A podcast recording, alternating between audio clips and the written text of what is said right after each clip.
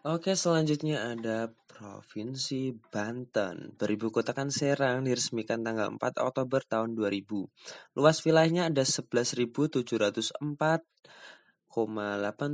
km persegi dan jumlah hmm, sorry itu tadi jumlah penduduknya kalau luas wilayahnya ada 9.662 1092 km persegi. Untuk per kilometernya ada sekitar 1298 jiwa per meternya. Nah, untuk APBD dari Banten tahun 2020 ada 8 8.398, sekian miliar. Kalau untuk PDRB-nya ada 432 triliun. Nah, itu adalah deskripsi universal ya dari Provinsi Banten. Oke, ditunggu episode selanjutnya.